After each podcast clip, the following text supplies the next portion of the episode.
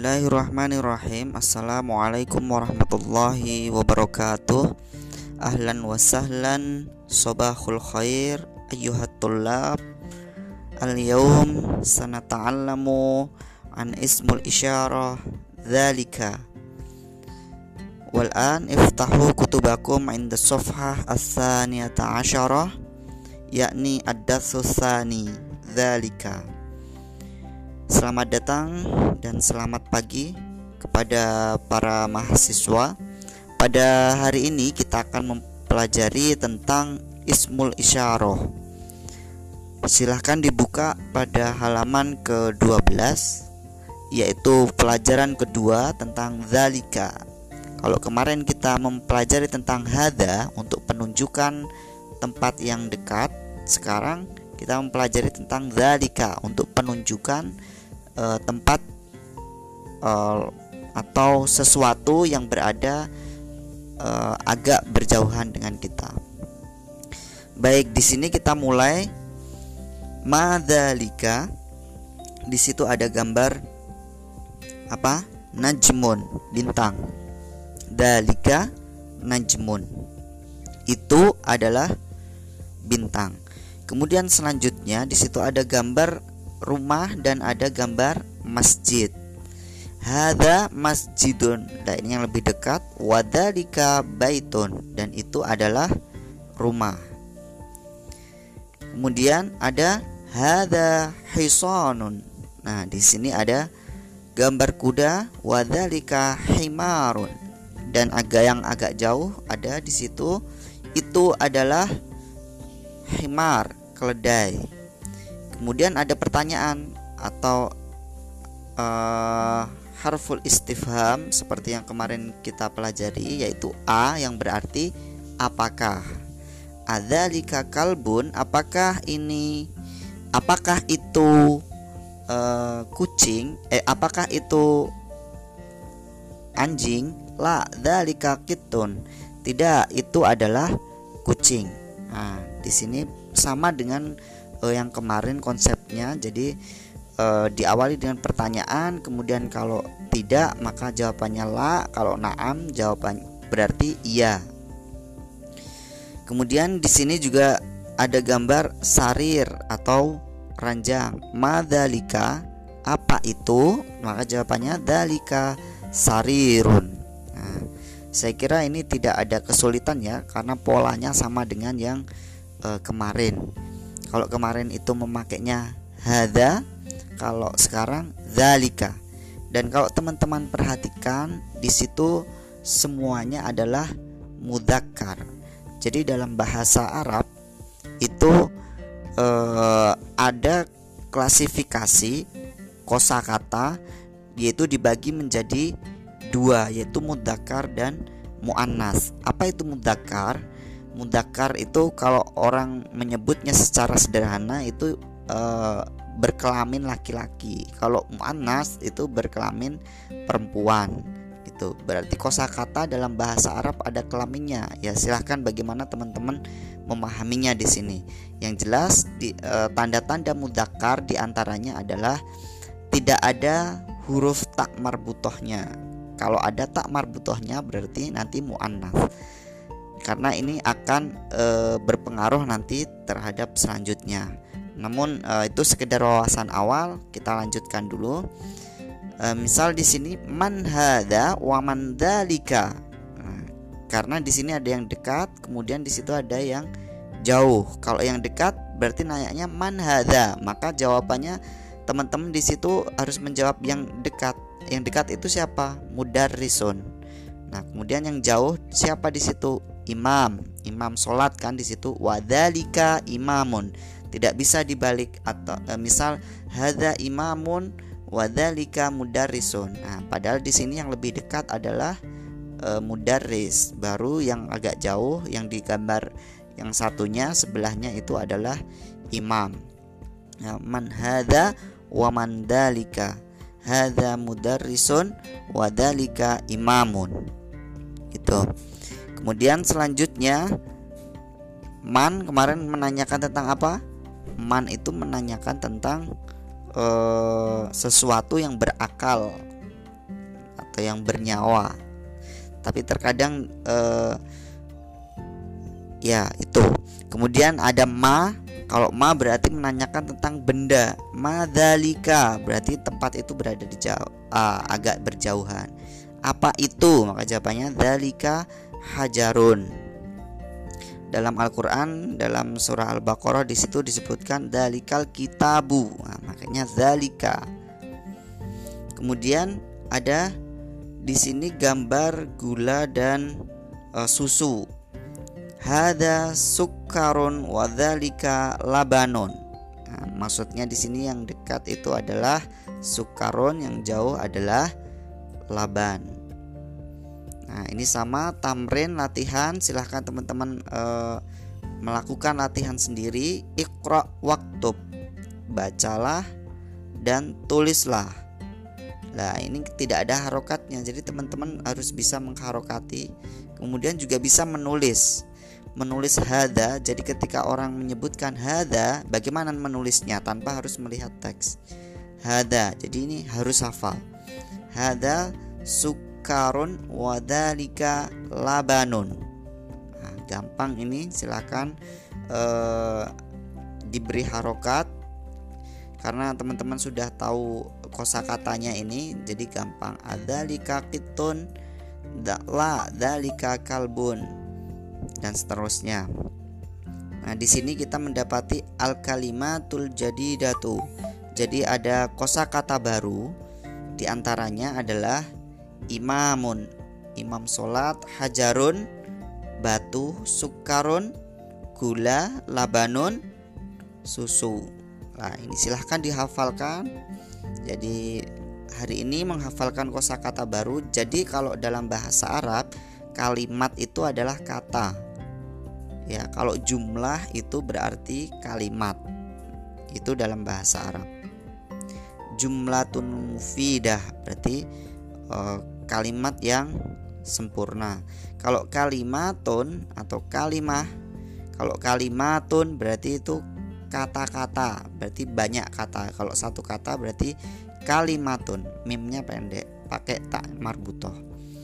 Kita lanjut kepada ad-darsus salis saja ya, yaitu uh, pembelajaran yang ketiga di sini kita akan mempelajari tentang uh, makrifah dan nakiroh. Apa itu makrifah? Makrifah itu yang sudah spesifik. Kalau nakiroh itu masih uh, umum, belum belum spesifik gitu. Misal baitun dan al baitu, kitabun al kitabu, kolamun al qalam al qalamu jamalun al jamalu kalau teman-teman perhatikan di sini kata atau kalimah kalau dalam bahasa Arabnya yang depannya tidak ada alif lamnya maka di situ berharokat tanwin. Baitun, kolamun, kitabun, jamalun. Tapi kalau depannya didahului dengan alif lam, maka di situ tanwinnya berubah menjadi domah saja. Atau nanti kalau fathah ya fathah saja itu kalau tidak ada eh kalau ada alif lamnya maka disebut di situ nakiroh. Ciri-cirinya eh, dia ada alif lam dan tidak tanwin. Kalau nakiroh maka dia berharokat tanwin tidak ada alif lam sebelumnya. Bedanya apa dalam menerjemahkan menerjemahkannya ya? Kalau yang nakiroh berarti dia masih belum spesifik. Kalau al-baitu berarti dia lebih spesifik. Misalnya uh, al-baitu di situ dimaknai sebagai rumah yang sebelumnya kita pernah berkunjung di situ atau rumah yang memang kita sudah ketahui posisinya nah, dan lain-lain seperti itu. Jadi uh, di sini berpengaruh kepada harokat. Misalnya di sini ada al-qolamu maksurun al-qalamu maksurun artinya adalah bolpen ini uh, ya tergeletak itu maksurun al-qalamu maksurun di sini ada alif lam ada uh, domah bukan domah tanwin maksurun. Nah, ini berupa keterangan. Kemudian di sini ada albabu maftuhun. Artinya albab pintu maftuhun terbuka. Jadi di sini spesifik. Jadi pintu yang terbuka mungkin ada beberapa pintu. Lah yang pintu yang terbuka itu adalah yang kita maksud. Kemudian ada di sini al-waladu jalisun wal mudarrisu waqifun. Ya. Al waladu jalisun artinya apa? Al waladu ya anak-anak jalisun. Duduk. Jadi kata jalasa yajlisu. Duduk jalisun. Wal mudarrisu waqifun. Wal mudarrisu waqifun. Dan uh, guru itu wakifun wakifun itu apa? Ya sampai. Kemudian di sini eh, nomor satu alkitabu jadidun wal qalamu qadimun. Lah ini ada kata sifat di sini. Alkitabu jadidun artinya buku itu baru wal qalamu qadimun. Dan bolpen itu lama atau sudah second kemudian yang nomor dua al himaru sogirun himar berarti keledai sogirun kecil. Wal hisanu kabirun. Hison apa? Kuda kabirun besar. Jadi tidak bisa wal hisonun kabirun. Kalau ada alif lamnya itu ya di cara membacanya tidak ditanwinkan. Kemudian ada al kursiyu maksurun. Kursi itu ya maksurun. Bisa tergeletak atau ya diam saja kasroh itu loh. Kasroh itu kan berarti di dikasrohkan. Kemudian al mindilu wasikhun. Mindilun apa? Serbet wasikhun kotor. Kemudian al ma'u baridun. Barid artinya dingin. Al ma'u artinya air. Nah ini adalah bentuk uh, jadi kalau kita menyebutkan ma misal air al uh, maun. Maun itu kan berarti air. Air itu kita belum ngerti apakah air panas apakah air dingin. Tapi kalau sudah al mau baridun berarti di situ sudah spesifik. Air ini dingin gitu. Jadi bukan air biasa gitu. Al komaru jamilun. Al komaru jamilun. Komar apa? Bulan jamilun. Indah. Al baitu qoribun wal masjidu ba'idun nah ini menunjukkan sesuatu yang spesifik. Rumah itu dekat dan masjid itu jauh. Rumah dekat dan masjid yang jauh. Al hajaru saqilun al hajar artinya batu. Saqilun berat. Wal waroku khafifun. Waroku apa? Daun atau e, lembaran kertas. Kertas al wal waroku lembaran kertas khafifun khafifun itu ringan. Al labanu harun. Al laban susu harun panas. Al komisu nadhifun. Al-Qomis berarti kemeja nazifun berarti bersih. Nah, itu teman-teman eh, beberapa contoh kalimat yang di situ memakai alif lam dan tanpa alif lam. Maka kalau yang ada alif lam seperti yang sudah saya jelaskan berarti itu yang e, dengan alif lam disebut dengan ma'rifah Kalau tanpa alif lam maka disebut nakiroh, harokatnya pun berbeda. Gitu. Kemudian di situ ada eh, tamarin, artinya kumpulan-kumpulan tugas eh, banyak sekali ini berkaitan dengan eh, mengharokati. Iqra waktu ma'adobti awakhiril kalimat. Nah ini teman-teman mau diuji tentang bagaimana teman-teman itu bisa mengasih harokat di akhir ini. Dobti awakhiril kalimat. Iqra e, baca waktu tulis ma'adobti awakhiril kalimat. Dengan memberikan harokat e, di akhir kata. Jadi tadi ada nakiroh ada makrifah sudah tahu ya bagaimana mengharokatinya masjidun apa du? Nah tanpa alif lam maka harus dengan tanwin. Masjidun.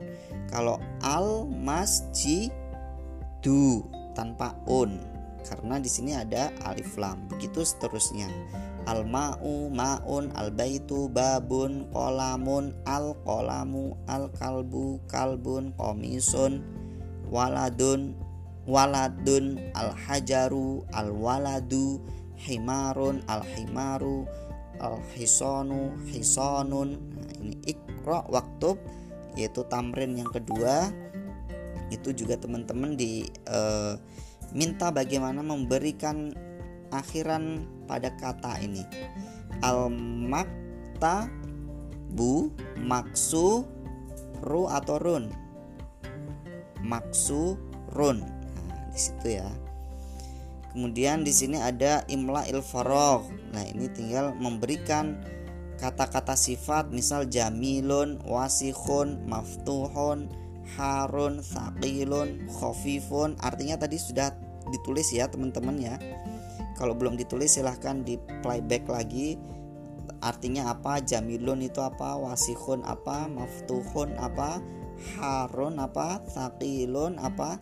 Khafifun apa? Lah itu di ditaruh di halam di kolom-kolom ini yang sesuai. Al hajaru berarti apa? Al hajaru itu batu berarti apa? Kalau batu itu berat berat bahasa Arabnya apa sakilon dan seterusnya. Silahkan teman-teman berlatih uh, pada sesi perkuliahan ini. Silahkan ditulis. Nanti kalau sewaktu-waktu saya minta kumpulkan silahkan teman-teman tinggal kumpulkan. Kalau tidak ya buat latihan teman-teman di hari ini. Kemudian imla il farok fi mayali biwad'i kalimatin munasibah. Isilah kolom yang kosong ini Fimayali berikut ini biwat'i dengan cara meletakkan kalimat kata munasibah yang eh, cocok. Imla il farog Fimayali biwat'i kalimatin munasibatin. Ya, silahkan di eh, di sini ada al ada jadidun, kodimun. Silahkan di e, letakkan di kolom-kolom yang sudah ada ini. Tentu ini kuncinya adalah teman-teman harus sudah tahu kosakatanya. Makanya harus ditulis di dalam buku catatan teman-teman. Kemudian di sini pada eh, pembahasan selanjutnya di situ masih sama. Ya, saya kira itu terlebih dahulu uh, yang bisa kita bahas dalam hal ini. Kemudian ada tambahan di sini misalnya dibuka pada halaman 18. Pada halaman ke-18 itu ada perintah ikhtar kalimatan minal qaimah ba tunasibul kalimah allati fil qaimah. Alif. Nah, yang alif ini disuruh e, nyambungkan. Itu maksudnya di situ. Artinya teman-teman bisa berlatih dengan beberapa tamrinat yang sudah e, ada e, di sini. Kemudian pada halaman selanjutnya yaitu pada halaman ke-19 di situ ada al-huruful qamariyah wal hurufu syamsiyah. Maksudnya adalah kalau dalam tajwid itu teman-teman kan eh, di situ ada alif lam samsiyah dan alif lam qamariyah. Nah, di sini al huruful qamariyah berarti itu maksudnya adalah ketika eh, kita melafalkan lamnya itu dibaca misalnya al abu nah itu kan lamnya ada dibaca kan. Kalau ba al babu kalau yang huruf syamsiyah maka cara membacanya lamnya tidak dibaca langsung kepada huruf taknya at-tajir. Lah di sini ada uh, huruf yang bisa dikasih tanda. Kalau alif lam kemudian depannya itu ada alif, ba, jim, ha, kho, maka di situ termasuk huruful qamariyah. Tandanya lam sukunnya dibaca. Tetapi kalau kata dalam bahasa Arab yang diawali dengan huruf ta, sa, da, da, maka ketika kita menjadikan dia e, menjadi makrifah atau ditambahin alif lam, maka di situ tidak dibaca lamnya. Misal at-tajiru as-saubu ad-diku nah mungkin itu.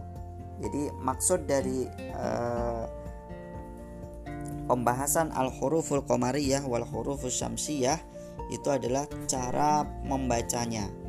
Jadi teman-teman bisa mengklasifikasikan.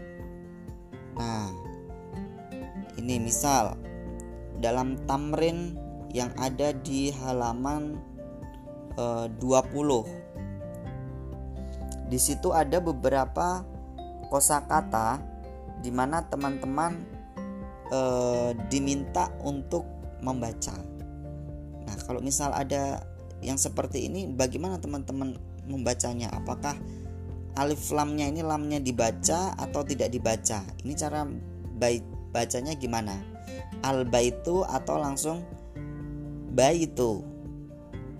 Abbaitu albaitu apa abbaitu nah ini fungsinya begini. Kalau teman-teman membaca eh, bahasa eh, bahasa Arab tanpa harokat maka kalau tidak tahu itu alif lam eh, syamsiah atau alif lam komariah maka teman-teman tidak bisa membaca di sini. Maka teman-teman harus tahu apa saja huruf komariah atau apa saja huruf-huruf samsiah. Saya kira bagi yang sering membaca Al-Quran rutin di setiap harinya sudah otomatis bisa. Misal ini, ini abbaitu apa albaitu? Al-baitu. Berarti ini termasuk huruf uh, komariah kan ba ini Meskipun misal tidak tahu ini ba ini komariah atau samsiah, kalau bacanya al baitu maka di situ sudah otomatis tahu di situ adalah komaria. Kemudian adiku berarti samsyah, al mudarrisu berarti komaria dan seterusnya. Coba teman-teman identifikasi sendiri. Uh, yumkin hadza minni astaghfu minkum kasiran uh, ta'allam jayyidan wal akhir assalamualaikum warahmatullahi wabarakatuh